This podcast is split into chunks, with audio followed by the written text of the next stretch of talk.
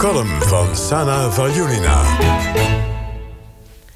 Mijn hoofd knalt uit elkaar van onzekerheid. Over twee dagen viert Nederland 75 jaar bevrijding. In Rusland barst het 9 mei los, al wordt het dit jaar een stuk soberder. Het nare, doch politiek neutrale virus heeft de overwinningsparade op het Rode Plein, de hoofdakte van het propagandaspectakel, lam gelegd. Terwijl we in Nederland de bevrijding herdenken, wordt in Rusland de grote overwinning gevierd. Maar in Rusland is niets wat het lijkt. Zo werden in de lente van 45 bijna 2 miljoen Sovjet-krijgsgevangenen net terug uit een vreemde linea recta naar de werkkampen gestuurd of als dwangarbeiders naar de socialistische bouwprojecten in het oosten van het land. Ook mijn vader zat daartussen, met tien jaar gulag in het vooruitzicht. Maar daarover een andere keer, want nu is de beurt aan mijn moeder. Voor haar betekende 9 mei 45, net als voor de meeste Sovjetburgers, niet zozeer de overwinning, maar vooral het einde aan het ongewisse. De afgrond waar ze vier jaar lang elke dag en soms elk uur, elke minuut boven had gezweefd, had zich eindelijk gedicht. O, mijn moeder met haar oorlogsverhalen, die ik als spannende avonturen tot me nam.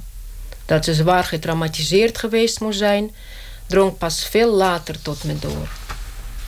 In de afgrond die zich op 22 juni 1941, de dag waarop Hitler de Sovjet-Unie binnenviel, opende, verdween eerst haar vader, vermoedelijk doodgeschoten door eigen mensen als een vermeende saboteur. Toen het front hun stadje bereikte, moesten ze vluchten, westwaarts door oorlogsgebied. Vlak voor de Estse grens vielen haar moeder en haar broer in die afgrond te pletter. Een Russisch vliegtuig in nood dat zijn bommen afwierp, werd hun fataal. Met zijn drieën kwamen ze terecht in het door de Duitsers bezette Estland. Mijn moeder werd gescheiden van haar broer en zuster en op transport gezet naar Duitsland. Maar sprong van de trein in het nachtelijk ongewisse, hierbij geholpen door een goede Duitser. En klopte aan bij een Estse boerderij waar ze als hulpje in de kost mocht komen. Haar zuster en broer werden in Tallinn door plaatselijke Tataren, die in Tataars hadden horen spreken, uit het vluchtelingenkamp vrijgekocht voor een kilo spek. Mijn hoofd knalt uit elkaar van onzekerheid, lees ik in een Nederlandse krant. We leven in een nieuwe werkelijkheid met corona om de troon.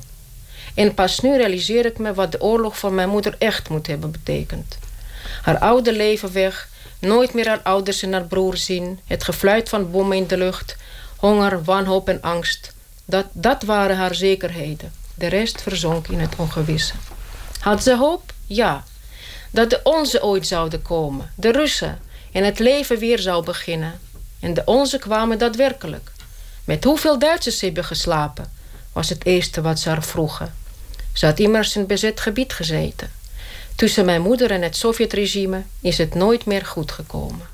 Ja, dat was Sana Valiana vanuit haar eigen woning in Hartje Belmer... over, uh, ja, laten we zeggen, hoe vadertje Stalin zijn soldaten... met de Russen die ze bevrijden omgingen. Uh, een prachtige column.